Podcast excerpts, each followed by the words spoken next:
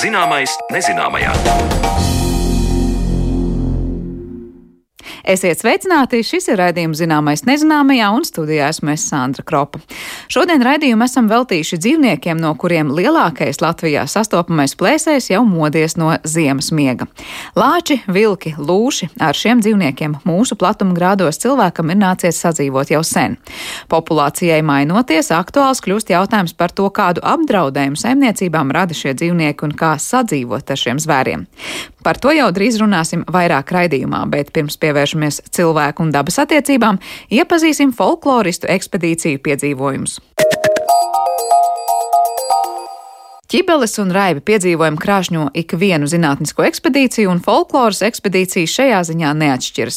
Šķiet, ka slikti laikapstākļi vai saaugstēšanās ir viennieks, ja ņem vērā, ka folkloras ekspedīcijās sanāk satikt daudz cilvēku un līdz ar to arī visdažādākās viņu emocijas un gara stāvokļa izpausmes. Profesora Janīna Kursīta kopā ar saviem kolēģiem folkloras ekspedīcijās dodas jau daudzus gadus, un dažus no piedzīvotajiem atgadījumiem viņa izstāstīja tiekoties arī manai kolēģei Mārionai Baltkalnei. Folkloras ekspedīcijās iespējams sastapties ar gandrīz visu.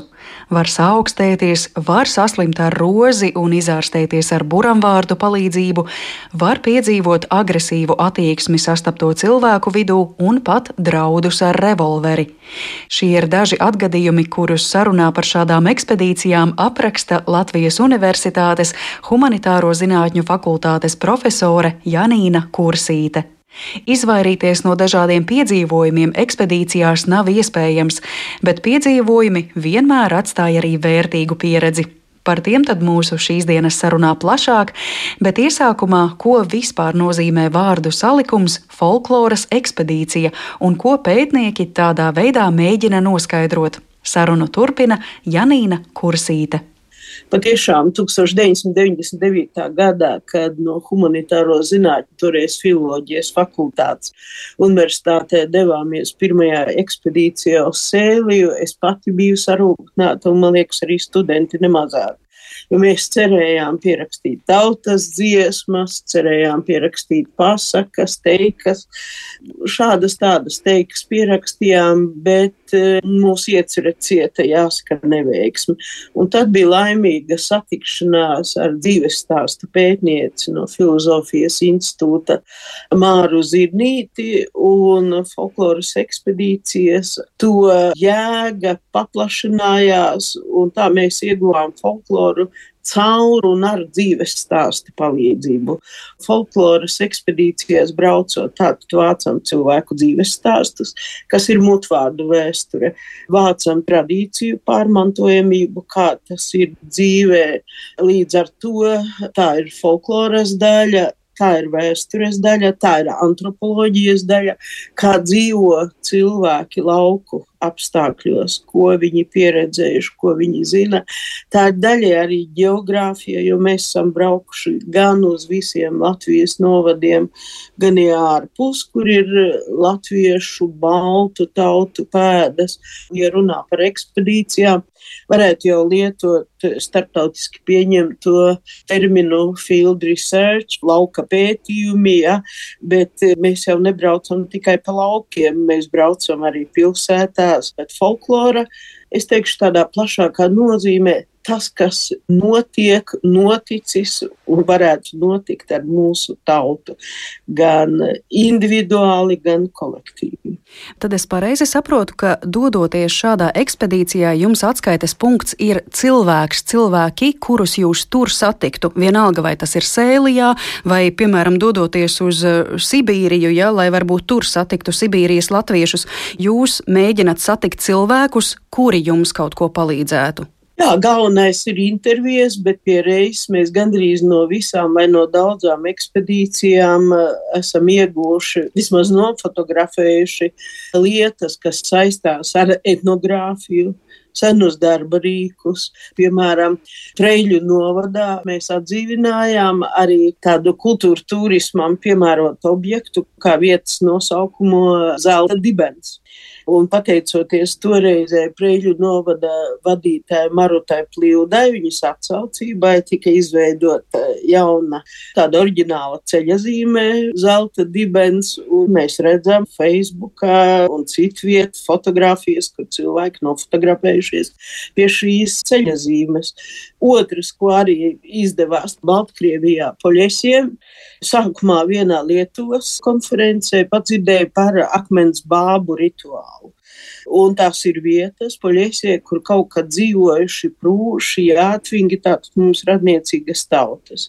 Un skaidrs, ka mēs nevarējām zināt, kur precīzi kas mums viena Baltkrievu etnogrāfe solījās palīdzēt. Tas bija labi, mēs atradām, bet viņa gribēja, lai mēs braucam pa tām vietām, kas viņai kā etnogrāfe interesē. Tad bija nepatikšanas, kas draudēja ar tālāku ceļa aizkrustošanu Baltkrievijā, jo viņi uzrakstīja sūdzību atbildīgām Baltkrievijas institūcijām, ka mēs te kā partizāņi tālāk jau bez viņas klātbūtnes, kā mēs atsevišķi varam. Bet paldies Dievam! Atbildīgās institūcijas Baltkrievijā droši vien rūpīgi sekojot, ka mēs neko neatļautu nedaram, atļāva arī turpmāk braukt. Un mēs Baltkrievijas akmens bābu poļiesie, starp citu ieģērbšanu tieši lieldienās, akmens tēls, ko ieģērba katrās lieldienās. Filmējām, esmu vedusi arī turistus no Latvijas nereizi vien. Un kas ir gala rezultāts? Gala rezultātā šīs Daņiļeviču ciema akmens bābu ietērpšanu un pašu to akmens bābu iekļāva starp simts Baltkrievijas tradicionālās kultūras darbiem. Nu, patīkami, vai ne? Janīna Kursīte stāsta, ka ekspedīcijas parasti ilgst nedēļu, uz Sibīriju nedaudz ilgāk. Protams, ka pirms tam notiek sagatavošanās semināri, taču visam sagatavoties nevar. Profesore arī norāda, ka pašlaik ar personas datu aizsardzību darbs kļuvis apgrūtinošāks, jo atšķirībā no agrākiem laikiem nevar vairs vienkārši piezvanīt uz pašvaldību un palūgt gados vecāku cilvēku adreses. Neskatoties uz to, pētniekiem ir zināmi pavadieni un cilvēki, pie kuriem vispirms vērsties pēc palīdzības, un tā šī ķēdīte turpinās tālāk, bet, protams, ekspedīcijas paredz arī nejaušas satikšanās ar cilvēkiem. Mums ir ļoti jauka komanda, jau vairākus gadus izveidojusies. Jolanta Stauga palīdz, kolēģe Ingus Barovskis, Roberts Čipurs mēs sadalām pienākumus un arī izstāstām, kas aptuveni būs un ka jābrauc piemērotos apavos un piemērotā apģērbā. Ir gan bijis, ka vieglajās tādās smalkās somiņās aizbrauc, bet ātri vien aptver, ka tā nav tā vieta, kur izrādīt somiņas vai augstpapēžu kurpēs. Protams, ir nepieciešama sagatavošanās, bet vēl vairāk tas ir tāds eh, negaidītības moments, kad tu aizbrauc, kur zemnieks pēkšņi ierauga un sadzird, ka latgalē runā citā izloksnē, citā valodā, vai arī, piemēram, pie Sibīrijas latgaliešiem esot Vistīrākais vidzemnieks Sandis Laime, tagad jau filoloģijas zinātņu doktors jau labu laiku, iemācījās latgaliski un savukārt latgalieši aizbraucot pie suitiem vai pie ventiņiem sadzird šīs izloksnes atšķirības un kaut ko arī paņem sev. Mēs parasti uz vienu vietu braucam vismaz divus gadus, lai varētu būt e, krājumi. Un es no abām pusēm esmu nokrauts grāmatas braucot un iemīloties suitos, Alsungā. Pēc tam izdevām rakstu krājumu suitu identitāte. Braucām uz Latgali divus gadus, uz eh, toreizējo Vārkavas novadu, tagad Preļu novads. Izdevām rakstu krājumu Vārkavas tradicionālā kultūra un mūsdienas. Mūsu mīlestība un mana neslēpšu personiski arī mīlestība kuršu kāpas, kursenieki. Un te ir rakstu krājumus kursinieki mainīgajā pasaulē. Klausoties šo stāstu, nojaušu, ka dodoties jau uz tik daudzām un dažādām vietām, tā sagatavošanās sagatavošanās tad arī izriet no tā, uz kurieni jūs dodaties. Un, uh, tomēr, tomēr, vai pārlapojot prātā, pāršķirstot visas tās daudzās vietas, kur jūs esat bijusi, jums nāk arī atmiņā kāda nu, ķibele, negadījums vai sauksim to par dzīves anekdoti, varbūt Latvijā, varbūt ārpus Latvijas. Kopā no 99. gada ar pārtraukumu uz Covid viens gads ir bijis tikai pārtraukums, ir bijuši gadi, tās augtie treknie gadi, ka mēs braucām pa trīs, citreiz pat četrās, nu, kāda viena garā ekspedīcija un kādas varbūt mazāk. Un, nu, Dundagā liktos, nu, kur zemnieki tādi sevi vairāk koncentrēti, bet sastapām daudzus humorīgus pastāstus. Nu, viens bijusī dzimtsarakstu nodeļas vadītāja Rita Langmane stāstīja, ka nu, viņa sēžot savā kabinetā un reģistrējot, nu kā, nu, vajag gan to, kas piedzimis, gan to, kas nomiris. Viņa reģistrē miršanas apliecību, pieraksta, darbu pārtrauc telefona zvans, viņa klausuli pieliekot pie vienas auss, viņai liekas, ka zvana no sociālā dienesta. Viņa saka, tagad nevar runāt, man ir miršana pārbiedēta balss, saka, ak, Dievs, kur es esmu piezvanījusi. Atgūst balsu un saka, te jums zvana TV raidījums dzīvīte, ja? miršana un dzīvīte un, un tādas, ja. Ir bijuši arī pāris tādi tuvi ekstrēmiem gadījumiem, ja par kurzemi runājam, tad vienā zvejnieku ciemā nu, cilvēki gadās, ka zvejnieki kārtīgi strādā, bet arī kārtīgi iemet. Un par vienu mums teica, ka tas ir labs stāstītājs. Bet mēs viņu notvērām, ka viņš bija stipri neskaidrā prātā, un cits neskaidrā prātā ir miermīlīgs, bet cits kļūst agresīvs. Un šis bija agresīvs. Un, eh, nu, daudz netrūka, tā kā es pati biju pirmā runātāja priekšā, ka ar krietnu nūju tiktu laists pa stilbiem, vai es nezinu, kur trāpītu. Ir bijis, bet tur es nebiju klāt, ka ir draudēts ar revolveri. Tas gan bija Latgales pusē. Vai tas bija pielādēts vai nebija pielādēts, paldies Dievam, klātesošie neuzzināja. Nu, tas bija tāds, es teikšu, ekstrēmākais gadījums. Nu, ir bijis un samērā bieži. Baltkrievijā ceļi ir samērā labi bet tomēr mēs ieraudzījām vietu norādi Latvišķī un gribējām aizbraukt uz turieni uz labs laiks, un mēs iestrēgām, un tad visi kopā stūmām mikrobusiņu, bet nav ķezas bez sava labuma. Sastapām vietējos, kas varēja stāstīt e, šai Baltkrievijas apkaimē, kur iestigām par e, veclatviešiem, nu, kas 19. gadsimta beigās bija pārceļojuši, cik ļoti iekopt augti, viņiem bija dārzi, kādi puķu dārziņi bija, ka vienmēr vietējie puiši, ka gājuši uz balli, zaguši puķus no latviešu dārziem, ja tik skaistas tās puķis bijušas. Un ka latvieši kara laikā, ka bija tū badam, tad latvieši gan paši prata izvārīt putras, pieliekot nātras, pieliekot gārsas, vēl kaut ko, un arī iemācīja pārējiem, kā pārciest bada un pusbada laikus. Ir bijis, ka nu, saslimst, piemēram, Baltkrievijā. Man pašai bija tas, ko tautā sauc par rozi. Pirmo reizi piedzīvoju, vai no tiem kreņķiem, ka tur tik daudz papīra bija jākārto, vai ko sākās. Es pilnīgi jūtu, ka es nevaru paiet kājas pusi. Aizgāju pie ārsta, izrakstīja antibiotikas, un man sākās vēl stiprāka alerģija no antibiotikām.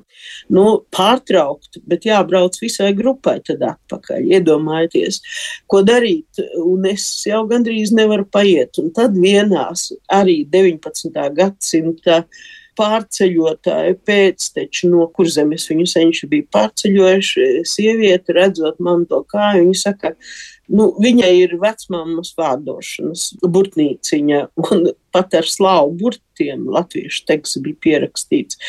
Nu, es tā, nu, sliktāk nebūs. Un es pat aizmirsu, pagāja diena, un man pārgāja. Bet redzat, kas ir ar ekspedīcijām, tas saliedē komandu. Ka mēs nedrīkstam atstāt vienu, lai kas mm. viņam gadījies, vai ko mums ir jāpalīdz cit citam, un vēl kas notiek pie visiem gadījumiem, atgadījumiem, mēs vērojam dabu. Mēs neesam geogrāfi, bet mēs ievērojam, kā kurā zemē, kā kurā novadā attiecas pret māju dzīvniekiem, kā saudzē sakopja apkārtni un daudzas citas lietas. Tur ir arī traģiski gadījumi bijuši, kur vienā vietā tu redzi, kā mīļo zirgu, kā mīļo govi. Citā vietā tu redzi, tas gan bija Sibīrijā, ka mājdzīvnieki tikai kalpu lomā. Viņam jāsēd un jārēj, un viņam pagrūž kaut ko ēdamo, nevelc saka, kā pret suni. Ja? Pie mums, vai tā būtu kurzeme, latgale vai vidzeme, viscaur, mājdzīvnieks ir daļa no saimes. Lai folkloras ekspedīcijas veiksmīgi īstenotos, notiek sadarbība ar citām augstskolām gan Latvijā, gan ārvalstīs. Tāpat palīdz jau pieminētās pašvaldības, un pētnieki par ekspedīcijām cenšas informēt arī vietējos laikrakstos bet vai kādreiz gaidas par ekspedīcijas galamērķi likušas beigās vilties, vai tieši otrādi - būt pārsteigtiem? Nekad nevajag sadomāties par daudz. Mēs sagaidām, ka būs dažādi Var gadīties, ka kādi pārpratumi var gadīties arī kādā vietā ir bijis, kur negrib laist iekšā nu, viena veca sieva, pati dzīvo, ko viņa zina, un saka, nu, pierādiet, ka jūs esat Latvijas universitātes, eh, nu, ko tu, nu, pasa nav līdzi vēl kaut kas, viena attapīga studente ir parādījis, toreiz vēl bija Latvijas universitātes filoloģijas fakultāte, pildspalva ar uzrakstu filoloģijas fakultāti un iedomājieties un noticēt. Tā ka mēs esam iepriekš rezervēti. Bet es teikšu, vienmēr, vienmēr es neatceros nevienu gadījumu, ka mēs būtu vīlušies un teiktu, ka nebija ne atsaucības, ne izpratnes, ne kaut kā. Tad tu kā folkloriste trīs reizes nospļaujos par kreiso plecu. Bija šis Covid laiks, nekur daudz nevarējāt doties, vai jums jau šobrīd ir nosprausts kāds mērķis folkloras ekspedīcijai? Jā, mēs pagājušajā gadā bijām Viļakas apkaimē, Balvu novads. Mēs turpināsim arī šogad uz Viļakas apkaimi, paplašinot pa Balvu novadu, jo kas ir vērtīgs Viļakas apkaimē? Tā ir daļa no bijušā Abrenes pirmskara novada, Un tā ir saskare starp vidzemi un latgali. Tur ir gan valodas, gan tradīciju, gan kultūras ziņā vēl daudz un daudz ko meklēt. Es ceru arī atrast.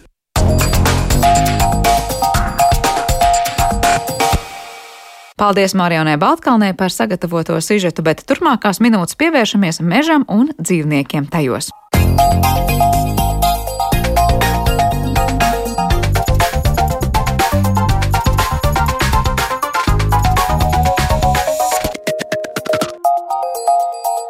Zināmais nezināmajā. Pavasaris šobrīd vilinātu vilina dabā, taču pēdējos gados aizvien vairāk jūtam, ka mežos neesam vieni. Visvairāk dzirdam par mūsu mežu jaunpienācējiem lāčiem, ar kuriem šādi cilvēki arī sastopas Latvijas mežos. Pētnieki šobrīd apzina, kāda tad ir sabiedrības attieksme pret šiem lielajiem plēsējiem Baltijas valstīs, kā cilvēki vērtē lāču, lūšu, vilku populācijas pieaugumu un ko zinām par šo dzīvnieku dzīves apstākļiem Latvijas mežos. Par to tad visu šodien runāsim arī ar mūsu viesu viešņu, Latvijas Valsts Mežzinātnes institūta Silava zinātnisko asistenti Agrita Žonu. Labdien! Labdien! Agrita arī ir iesaistīta pētījumā kur apzināti tiek Latvijas iedzīvotāju attieksme pret šiem lielajiem plēsējiem. Vispirms sākšu ar to, cik ļoti šobrīd aktuāli ir runāt par lāčiem, vilkiem, lūšiem un šiem lielajiem plēsējiem kopumā Latvijas dabā, jo ik pa laikam mēs dzirdam par lāčiem, vēl pavisam nesen arī vidzemē mēs redzējām, kā lācēns tur bija manāms un kāda ir šobrīd tā izplatība Latvijā.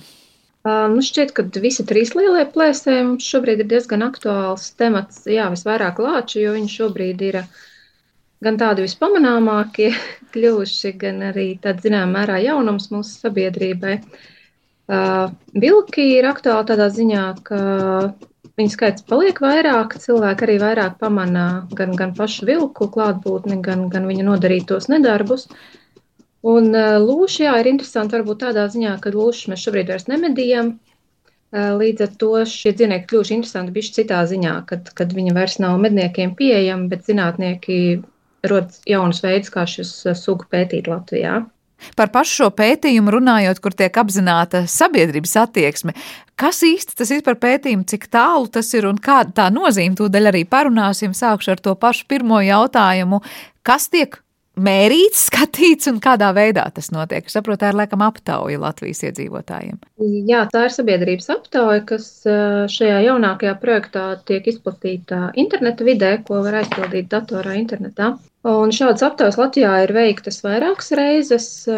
Pirmā bija 2000. gada sākumā, un tad šī aptauja tika veikta anketas izplatot drukātas anketas caur Latvijas skolām, lai tās nonāk pie cilvēkiem skolēnu ģimenēs un dažādu vecumu cilvēku, profesiju dažādi cilvēki aizpildīt šīs anketas. Uh, atkārtojums šāda tipā aptaujai bija 2017. gadā, kur anketas tika izplatītas tādā pat veidā caur skolām, lai nonāktu pie cilvēkiem ģimenēs, un arī papildus tika aptaujāti mednieki, lauksaimnieki. Un šī jaunākā aptauja, kura ir nu pat marta beigās noslēgusies, ir sadarbībā ar Igaunijas un Lietuvas kolēģiem, Līdz ar to mums būs informācija par visu trīs Baltijas valstu cilvēku viedokļiem un attieksmi pret lieliem plēsējiem. Un, jā, kā jau minēju, šobrīd tā aptauja notika, tika izplatīta internetu vidē, gan caur skolām, lai būtu šī salīdzināmie rezultāti ar iepriekšējām aptaujām, gan speciāli vēl medniekiem, lauksaimniekiem, biškopiem. Gan arī bija šis aptaujas saiti pieejami ikvienam, kurš brīvprātīgi vēlējās šo aptauju aizpildīt. Un tas, ko mēs gribam, aptauja diezgan garu, tur diezgan daudz jautājumu par dažādām tēmām, par lieliem plēsējiem. Un eh, tas, ko mēs gribam uzzināt, ir, ko cilvēki domā par šīm sugām, kāda ir viņa attieksme eh, pret pašiem dzīvniekiem, pret to, kā šie dzīvnieki tiek apsaimniekoti, eh, par dzīvnieku skaitu, vai cilvēkiem šķiet, ka viņi ir daudz, maz, pa daudz, pa maz Kā viņi domā, vai šie dzīvnieki ir bīstami, vai šie dzīvnieki nodara kādus postījumus vai zaudējumus lauksaimniekiem, piemēram. Vai cilvēki gribētu šos dzīvniekus savā tuvumā, vai kādas ir cilvēku domas par to, kā būtu risināmas konflikta situācijas ar šiem plēsējiem. Tā kā daudz dažādu jautājumu, kas var palīdzēt iegūt informāciju par uh, sabiedrības un arī dažādu šo atsevišķo interešu grupu, kā mednieku lauksaimnieku viedokļiem un uzskatiem. Kas notiek tālāk? Kāda ir, ja tā var teikt, jēga nu, uzzināt šo cilvēku viedokli? Protams, ka nu, konkrētas jau grupas nosauktās tur vairāk uzreiz ir skaidrs, ka mums ir nu, tā, tā izpratne lielāka, kāda attieksme ir pret šiem dzīvniekiem. Bet kopumā, ja sabiedrība pasaka, man tur patīk, nepatīk, vai es tuvumā gribu, negribu redzēt lāci, lūsu vai ko citu, Pirmkārt, jau liekas, viens ir tas, ko cilvēks atbild anketā, un, un pavisam kas cits ir tad, kad reāli varbūt kāds vilks tur, es nezinu, ienāk konkrētā mājas teritorijā vai rada kādus nopietnus postījumus. Proti, kas notiek tālāk, ko iegūst no tām atbildēm? Mēs tā kā jā, varam saprast, kāds ir sabiedrības nu, kā, viedoklis, attieksme, lai mēs saprastu, kādā virzienā mēs varam risināt konflikta situācijas, kam mums būtu jāpievērš uzmanība. Vai mums pašos pamatos jau ir ļoti negatīva nostāja pret, pret šiem dzīvniekiem, un kā, ka mēs varam rēķināties, ja būs kaut kādas problēmas, mums būs eh, ļoti daudz eh, kā, negatīvu reakciju uz to, kas mums būs eh, jāmēģina kā, nomierināt, paskaidrot, tikt ar to galā. Ja arī mēs varam zināt, ka mums pašos pamatos ir diezgan pozitīva attieksme pret šiem plēsējiem, cilvēki ir iecietīgāki pret, eh, pret kaut kādiem notikumiem saistībā ar šiem dzīvniekiem, un līdz ar to varētu būt vieglāk risināt kaut kādas situācijas. Gadījumā, piemēram, ar lauksaimniekiem nodarītajiem postījumiem, redzot to, cik saprotamā veidā negatīva ir, protams, šo cilvēku reakcijas lietām, mēs varam gūt ieskatu virzienos, kādā šīs problēmas var izsināt. Vai, tas, vai pietiek ar to, ka mēs šiem cilvēkiem sniedzam vairāk informāciju, un viņi labāk saprot situāciju, vai viņiem varbūt vajag praktisku informāciju par to, kā izvairīties no šiem postījumiem un zaudējumiem. Ja varbūt tā ir reāla finansiāla uh, palīdzība, atbalsts, kam jau ir jānāk, protams, citā līmenī, valsts līmenī, uh, Bet mēs varam redzēt, ka jā, šāds atbalsts ir nepieciešams, tas, ko mēs varam kā zinātnieki teikt, nu, sniegt rekomendācijas tam, ka ir nepieciešama jau reāla finansiāla vai materiāla palīdzība no valsts puses, lai lauksaimniekiem būtu vieglāk tikt galā ar šo postījumu radītajām sekām. Mm, jūs teicāt, ka aptauja ir noslēgusies martā. Es pieņemu, ka sīki un smalki droši vien par rezultātiem vēl ir pāragri spriest, bet cik daudz jau šobrīd ir zināms, nu, ko tad Latvijā cilvēki domā šajos jautājumos un kādi ir tie rezultāti? Jā, šī brīža jaunās aptaujas rezultāti mums vēl nav apkopoti. Tur mums jāsanāk kopā ar eh, mūsu Lietuvas un Igaunijas kolēģiem, lai, lai sāktu domāt, kā šos rezultātus apskatīt un, un tālāk interpretēt. Bet pirms sešiem gadiem veiktajā aptaujā Mēs konstatējam, ka lielākoties cilvēku attieksme pret visām trim lielo plēsēju sugām bija vai nu neitrāla, vai pat vairāk pozitīva nekā negatīva. Vispozitīvāk attieksme bija pret lūšiem, otrā vietā bija lāčiņā, un gan mazāk pozitīva, gan, gan arī tieši vairāk to negatīvo attieksmi cilvēki pauda pret vilkiem. Un tas bija gan kā, kopējā tajā sabiedrības aptaujā, gan arī tieši atsevišķu mednieku aptaujā, kad ka vilki bija tie, kas izpelnījās vismazāk atzinības. No, ar no ko jūs prāt, tas varētu būt skaidrojums ar izplatību? Mēs esam pieraduši vairāk, ka vilki mums ir, savukārt lāči liekas, nu, mums, mums nav daudz, un savukārt lūši, nu, tie taču ir skaisti aizsargājumie dzīvnieki, vai te būtu citi vēl, jūs prāt, motīvi? Es domāju, ka, jā, ka tas, ka lūsis ir jā, tāds mazāk pamanāms, mazāk cilvēku uzstāv skaitniecisks dzīvnieks, smags dzīvnieks, un līdz ar to pret viņu tā attieksme pozitīvāka. Lāči ar pirms sešiem gadiem mums bija maz, mums vēl viņi patika labāk nekā droši vien patīk šobrīd. Bet vilks, jā, vilks ir gan, gan vairāk pamanāms ar to, ka viņš reizēm tomēr nodara tos postījumus, gan ir jau tas eh, iesakņojies uzskats, ka vilks ir vairāk tomēr kaitniecisks dzīvnieciņš, kurš, kurš gan postījumus nodara lauksaimniecībai, gan medību saimniecībai. Tas vēsturisks uzskats, ka, ka pret vilkiem šī attieksme ir izveidojusies negatīvāka. Ko tālāk darīt ar šiem rezultātiem? Nu, labi, tie jau ir tie iepriekšējo aptauju dati. Skatīsimies, kas ir mainījies eh, jaunākajos pētījumu rezultātos, bet vai jūs paredzat vispār, ka tā attieksme būs mainījusies, vai par lāčiem mēs esam laikam pēdējā laikā vairāk dzirdējuši, ka tā attieksme varētu būt arī negatīvāka Latvijā? Es domāju, ka jā, ka attieksme būs mainījusies, varbūt nedaudz, bet, bet būs. Un, nu, droši vien, ka ar lūšiem mums tāpat lūši joprojām tīri labi patīk. Uh, Bet jā, ka tā varētu kļūt negatīvāka pret lāčiem, tīri tāpēc, ka e, šobrīd mēs ar viņiem vairāk ikdienā sastopamies kā sabiedrība mēs vēl neesam varbūt gatava vienmēr šīm situācijām un vēl nezinām, kā ar viņiem sadzīvot. Un tāpat arī ar vilkiem, jo šis postījumu apjoms lauksaimniecībā ir mazliet palielinājies.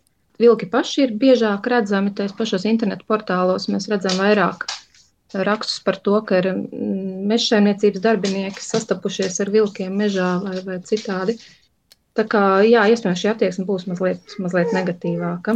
Bet vai jūs paredzat, ka līdz ar to arī dažādi apsaimniekošanas pasākumi būs krietni atšķirīgāki nekā iepriekšējos gados, nu, piemēram, pēc 2000 vai pēc tā 2017. gada, ka tas tiks pārskatīts, kādu to, to, te, to politiku veidojam? Vairāk pat ne tieši pašu plēsēju apsaimniekošanas pasākumi, jo Nu, pirmkārt, lācis ir aizsargājams dzīvnieks, joprojām neko, neko daudz mēs ar viņu nevaram iesākt. Arī vilku medības mums tomēr nosaka Eiropas Savienība, cik daudz mēs varam izvērsties vai neizvērsties. Bet tas, kam vajadzētu mainīties, ir veids, kā mēs paši rīkojamies un, un kā mēs paši varbūt uzlabojam gan savas prasmes sadzīvot ar šiem dzīvniekiem, gan it īpaši, ja tas ir lauksaimniecības postījumi, tad veidi, kā paši lauksaimnieki var aizsargāt savus dzīvniekus un ko viņi var uzlabot savā saimniekošanas veidā, lai samazinātu šo postījumu radītās. Kādi ir tie piemēri, ko mēs sagaidām no cilvēkiem? Tā ir kaut kāda žogu uzlikšana vai kaut kas daudz sarežģītāks? Lauksaimniecībā un arī biškopībā, jā, tie ir žogi.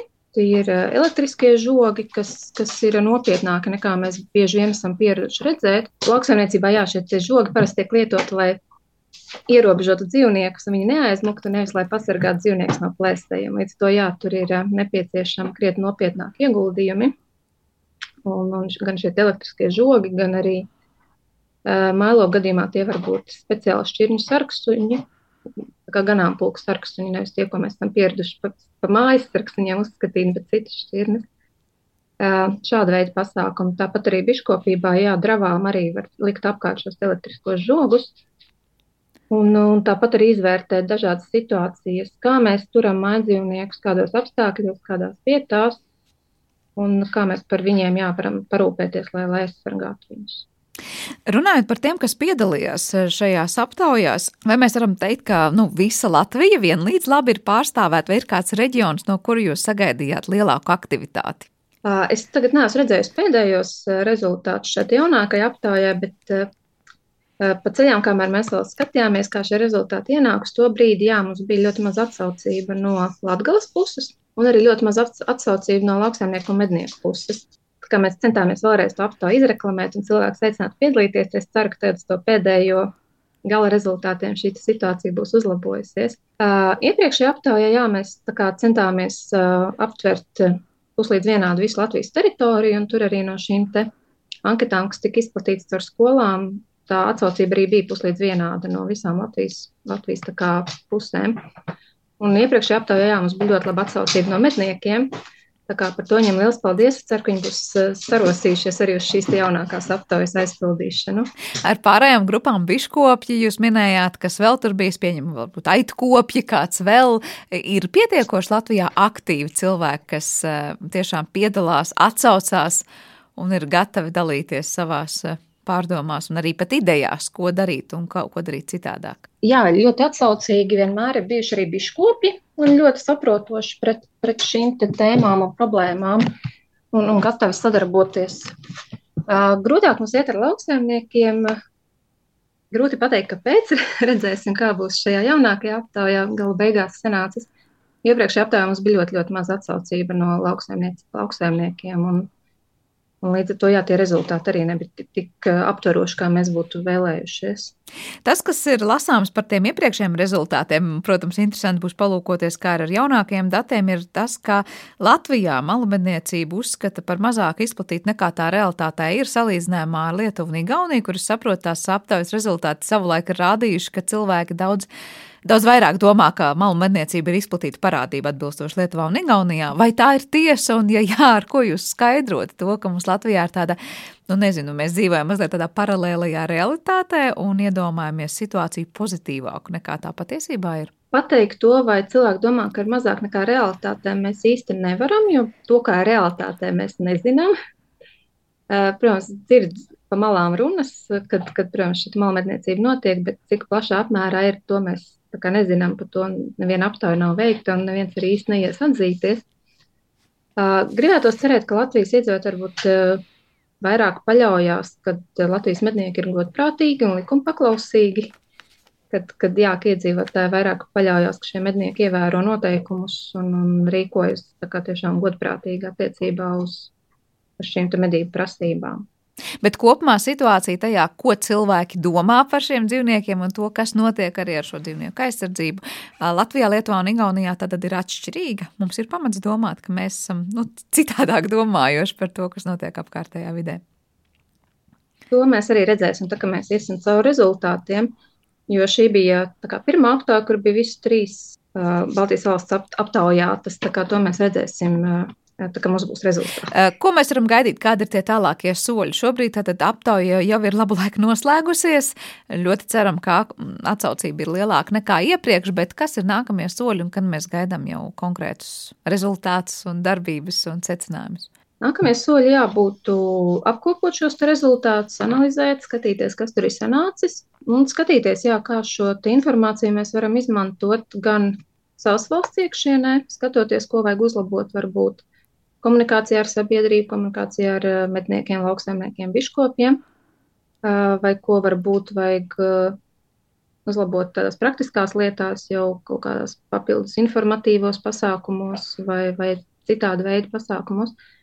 Gan arī jāskatīties, kā mēs atšķiramies no vai esam līdzīgi Lietuvas, Igaunijas iedzīvotājiem. Varbūt mēģināt uzķert kaut kādas lietiņas, lai saprastu, kādēļ, piemēram, Igaunijā kaut kādas lietas varbūt notiek eh, produktīvāk vai varbūt sakārtotākas nekā Latvijā, kur mēs varbūt varam pašpikot kādu labo piemēru, kas varētu būt par iemeslu tam, kādēļ varbūt kaimiņu valstīs kaut kas notiek labāk, vai arī tieši otrādi, kādēļ varbūt pie mums kaut kas notiek veiksmīgāk. Bet tas ir tāds, nu, šī gada ietvaros mēs varam to sagaidīt, vai tas ir kaut kas, ko mēs lēni, lēni, lēni tikai jutīsim tos rezultātus, un, protams, tas prasīs daudz ilgāku laiku. Ir paredzēts šī gada ietvaros, jā, kad, kad tam vajadzētu tikt izdarītam. Jūs tikko minējāt labos piemērus, iespējams, citās valstīs, vai mums Latvijā ir kādi labie piemēri, kur mēs jau varam mācīties, kā apsaimniekot, kā pasargāt savus tur, nezinu, ganāmpulkus vai īpašumus, lai nesaskartos vai proti, nu, minimālāk saskartos ar tām negatīvajām, negatīvajām sekām, ko rada lielie plēsēji arī Latvijas dabā, vai jums jau ir zināmi tādi piemēri?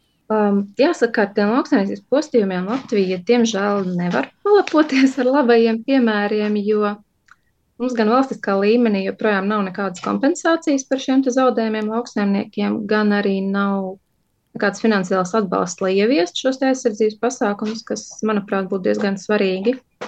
Eh, gan arī pašiem lauksaimniekiem, cik mēs varam konstatēt gan no iepriekšējās aptaujas rezultātiem, gan arī analizējot uh, notikušo postījumu ziņojumus, kur ir aprakstīti apstākļi, kādos dzīvnieki ir turēti.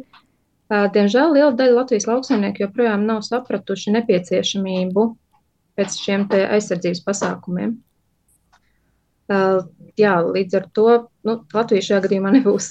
Nebūs ar ko lepoties un ko pārņemt. Pagaidām, Tātad patiesībā izglītības, izglītošanās līmenis pašu cilvēku vidū ir pietiekoši zems vēl Latvijā par šiem plēsējiem, par nepieciešamību pasargāt savus īpašumus un tuvāko apkārtni no tā. Bet mēs te vairāk, protams, runājam par lauksaimniekiem šobrīd. Kā ir ar vienkārši cilvēkiem, kas dodas dabā un bauda dabu arī šobrīd pavasaris un vasara, kas tuvojās, ir īstais laiks, kad daudz no mums būs dabā un varbūt iedomāsies par to, bet vai šeit ir droši? Ko mēs zinām par to, kur Latvijas kurās vietās ir, nav? Drošāk vai mazāk droši uzturēties tieši, ja mēs domājam, ir, ir mums varbūtība sastapt to lāci vai, vai vilku vai lūsi vai vēl kādu citu vai nav. Par vilkiem un lūšiem gribētos teikt, ka cilvēkiem nav tik jāuztraucās, jo lielākoties šie dzīvnieki ļoti piesardzīgi, viņi paši nevēlas ar cilvēku nemaz sastapties. Un, ja arī mēs esam ar kādu no viņiem sastapušies, tad uh, ieturam distanci, lēnām kāpjamies prom un liekam šo dzīvnieku mierā, un ticamāk, arī viņš mūs liks mierā. Ar lāčiem jā, ir, ir mazliet varbūt jābūt piesardzīgākiem. Uh, Lāči šobrīd mums Latvijā ir pārsvarā uh, Ziemeļvidzemē, tā kā Latvijas austrumdaļā Latgalē. Šajās vietās jāatsevišķi arī uh, Šobrīd internetā diezgan bieži mēs varam ik pa laikam redzēt, ka tur ir manīta lāča, tur ir kāda mednieka kamera nofilmējusi lāčus. Ja cilvēki zina, ka viņu apvidū šie lāči ir manīti, ja viņi ir arī redzējuši lāču pēdu nospiedumus vai ekskrementus, ja viņi zina, ka viņiem apkārtnē lāči ir, nu, tad ejot mežā, ejot dabā, vienkārši būt piesardzīgiem. Ja iespējams iet kopā ar kādu, neiet vieniem, taisīt troksni, laust zarus, runāties, dziedāt dziesmas Jo lācis arī viņš nemaz negrib to cilvēku satikt. Un, ja viņš dzird, ka kaut kur apkārt kāds pārvietojās, nu, viņš visticamāk pats arī nemaz nenāks skatīties, kas tur ir. Problēmas var sanākt, ja mēs šo dzīvnieku negaidīti pārsteidzam. Ja mēs esam gājuši klusiņām, nejauši to lāci iztraucējuši, kā pat jā, mazliet sabiedējuši, tad viņš vienkārši aizstāvoties var, var, var mēģināt cilvēkam kaut ko nodarīt. Vai ir arī pamats par bažām par to mazuļu laiku, kad mēs varam pārsteigt, piemēram, vilku lāci lūsi ar mazuļiem, vai proti izbiedēt un nepamatot satraukt tajā brīdī, kad dzīvnieks sargās tos savus mazuļus? Jā, tas ir viens no tādiem mazliet nepareiziem pieņēmumiem, ka šie lielie plēsēji aizsargā savus mazuļus, jo tā īsti nav. Tas arī aptaujā mums bija jautājums, ko jūs uzskatāt, ka šie dzīvnieki var būt bīstami un norādiet, kādās situācijās ļoti daudz cilvēku minēja, ka tad, ja šiem dzīvniekiem ir mazuļi, viņi aizsargās mazuļus, tad viņi var būt bīstami. Bet tam tomēr nav tā situācija, ka šie plēsēji ir bīstami, jo viņi savus mazuļus parasti neaizsargā. Varbūt šī situācija ir lāca, ka mēs vienkārši esam viņu pārsteiguši, un viņš no no tā pārsteiguma momenta aizsargājas nevis tik daudz, ka viņam ir mazuļi, un viņš aizsargā tieši mazuļus. Jūs teicāt, Ziemeļvidzeme un arī Latgali Lāģu gadījumā ir tās vietas, kurās jāuzmanās.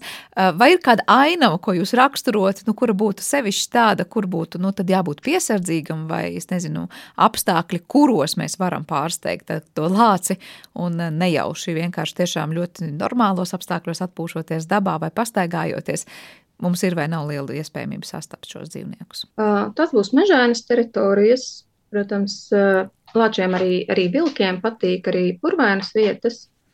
Pur, purvaina apvidi, purvu tuvumi, biezāki, klusāki meži. Tās varētu būt vietas, jā, kur ir lielāka iespēja šim, šim dzīvniekiem kādā brīdī varbūt sastapties. Un savukārt, kas būtu tās lietas, kas pievilinātu šos dzīvniekus, nu, nākt mūsu, piemēram, konkrēto teritoriju tuvumā, dažkārt, kad mēs redzam, ka tur vai nu tas pats lācēns te vai pa ceļu malu skrien, vai, vai kāds vilks ir atnācis līdz, līdz cilvēka sētai, uh, ir kādi ieteikumi, ko nebūdami lauksaimnieki mēs varam darīt, lai pasargātu to, ka nu, sanāktu tā tikšanās ar dzīvniekiem. Uh, retāk tajos brīžos, kur negribētu šos dzīvniekus sastapt. Tīri par apdzīvotām vietām runājot, eh, lauku sētām, ciematiņiem. Būtu jāpievērš uzmanība tam, kā mēs eh, apsaimniekojam atkritumus, vai tie nav kā, dzīvniekiem viegli pieejami, pa gabalu smaržojoši, kas var viņus kā, pievilināt pie mājām. Tas pats uh, ābolus savākt zem ābelēm, kas, kas tur reizēm paliek un pūst. Tādas lietas, kas, kas var pievilināt mājām. Uh, uz, jā, arī uz plēsējiem, kas attiecās, ja ir lopiņa mājās, aizvākt kritušo dzīvnieku, tā kā šos te atliekas, dzīvnieku karkasus arī tā kā neatstāt viņus kaut kur, nu, tur. Bet, jā, to visu tā kā neatstāt lietas, kas var dzīvniekus pievilināt. Tad vienkāršas lietas, ja tad uzturēt kārtībā savu sētu, savu apkārtni, neatstāt atkritumus, neatstāt arī uh, nesavāktus augļus un dārzeņus, daudz kur tad lietas, ko mēs varam jau darīt, un savukārt dodoties dabā, nu, varbūtība sastapt ir maza, bet, ja sastopamies, tā tad jūs jau ieteikumi varētu būt noderīgi. Un visbeidzot, vai mēs varam teikt, ka jūsu gan aptauja varbūt parāda vai citi pētījumi, ka Latvijā mēs dzīvojam tādos ļoti izplatītos mītos par šo lielo plēsēju, gan uzvedību, gan arī vispār lomu dabā, gan, eh, gan to, ko mēs domājam, zinām par šiem dzīvniekiem. Kādi ir tie izplatītākie mīti? Jūs jau te ilustrējāt šo piemēru ar mazuļiem. Uh, jā, zinām, mērā var teikt, ka cilvēkiem uh, gan, gan tīri tādu no paudžu paudzēs atstāstītu lietu dēļ, gan arī tiešām pasakas filmas un tādas lietas arī nevienmēr palīdz cilvēkiem radīt pareizos priekšstats par šiem dzīvniekiem. Un ir, ir šie mīti jā, par to, ka kādos brīžos šie dzīvnieki var būt bīstami. Uh, arī bada apstākļos jātika minēts, kad, kad šie dzīvnieki var uzbrukt cilvēkiem, kas, protams, tā ir, bet Latvijā nav šādi apstākļi. Latvijā šobrīd gan lūšiem, vilkiem, gan lāčiem, ko ēst pietiek. Um, būtu jāuzmanās uh, drīzāk no dzīvniekiem, kas ir uh, slimi, kas varbūt ir trakumsērku slimi vai tādām situācijām, bet nu, šobrīd arī Latvijas skaitās no trakumsērgas brīva valsts, tā kā, tā kā arī tam nevajadzētu būt iemeslam. Ir mīti jā par to, ka vilki ir situācijas, kad vilku uzbrūk e, mājdzīvniekiem ir nokost ļoti daudz dzīvnieku, bet e, nav apēsti. Ir apēsti varbūt viens dzīvnieks. Un tad ir radies šis uzskats, ka vilks tā ir asinskārs, azartisks, nežēlīgs slepkava, kurš nogalina tāpēc, ka viņam patīk to darīt. Lai gan arī šajā gadījumā skaidrojums šādām situācijām ir tāds, ka um, aitas bieži vien tiek turēts kaut kādā ierobežotā teritorijā, un viņš gluži vienkārši nevar aizmukt no šī plēsēja. Un eh, vilkam medību uzvedību nosaka tādi vairāki uzvedības posmiņi, kur parasti dabā viņš šo dzīvnieku noķer, nogalina, dzīvnieki ir aizmukuši, viņš sāk ēst savu nomedīto dzīvnieciņu. Bet tie aplokātie pārējie dzīvnieciņi joprojām skraida apkārt, un vilkam neizslēdzās tas medīšanas uzvedības posmiņš.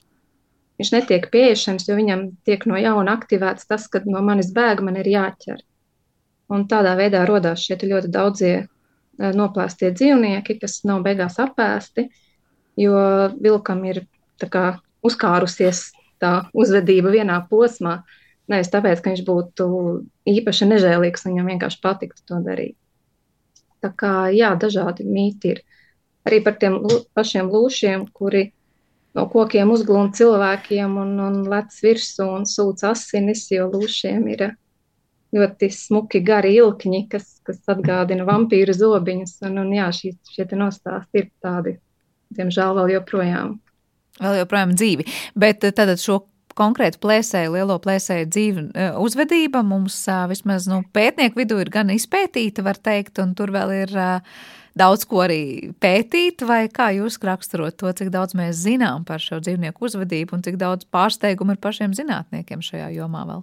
Tādos lielos vilcienos un gribētos teikt, ka mēs zinām diezgan daudz, bet tāpat laikā mūsdienās zinātnieki arvien vairāk tomēr gan atklāja, gan konstatēja, ka šiem dzīvniekiem piemīt kā vairāk tādu īpašību un lietu, ko mēs agrāk attiecinājām tikai uz cilvēkiem. Bet nu, pamazām zinātnieki arī sāk atzīt to, ka arī dzīvniekiem ir emocijas, saprašanas, domāšanas spējas ir tomēr apjomīgākas nekā mēs līdz šim esam gribējuši domāt, ka viņi nav tikai instinktu vadīti, vadīti dzīvnieciņi. Tā kā es domāju, ka ir vēl daudz lietas, ko mēs varam atklāt par to, kādas ir šo dzīvnieku savstarpējās attiecības, kādas ir viņu ģimeņa attiecības, jo vilki ir izteikti ģimenes dzīvnieki. Viņi dzīvo baros, kas, kas eh, patiesībā ir vienkārši ģimene. Tā kā es domāju, ka šeit ir daudz lietas, ko mēs varam atklāt un uzzināt, un kas var arī palīdzēt eh, mums ar laiku pielāgot veidus, gan kā mēs sadzīvojam ar šiem dzīvniekiem, gan arī kā mēs apsaimniekojam šīs viņu populācijas. Tā kā kamēr arī pētniekiem ir daudz zināma, bet vēl droši vien jautājumu, ko pētīt, arī mums sabiedrībā kopumā ir daudz ko mācīties jau no zināmā, un tad, kad jūs uzskaitījāt šos mītus, tad tiešām liekas, cik ļoti daudz lietas liekas teiktas, kas izskan apkārt kā vispār pieņemta norma vai patiesība, kas izrādās ir patiesībā diezgan aplams pieņēmums par to visu. Un, protams, mēs nevaram aizmirst arī par to, kā mums pasakas un bērnības dažādas multfilmas un daudz kas cits cits tiešām rada šo tēlu par konkrētiem dzīvniekiem, kas dažkārt ir realitātē nepamatots. Proti, mīļais lācītis un uh, sliktais vilks patiesībā lācis kā plēsējs, man liekas, ļoti daudziem joprojām ir liels pārsteigums arī sastopoties realitāti dzīvē. Paldies, Agrita, par šo sarunu. Es atgādināšu, ka Agrita Žuna, valsts, Latvijas valsts meža zinātnes institūta Silava zinātniskā asistente, šodien bija mūsu raidījuma attālinātā viešņa. Par šo raidījumu parūpējās producenta Paula Gulminska, mūzikas redaktors bija Girds Bišs, skaņu režijā bija Reinis Budze, bet studijā es Sandra Kropa. Mēs tiekamies jau atkal rīt ar jauniem jautājumiem un atbildēm. Visu labu!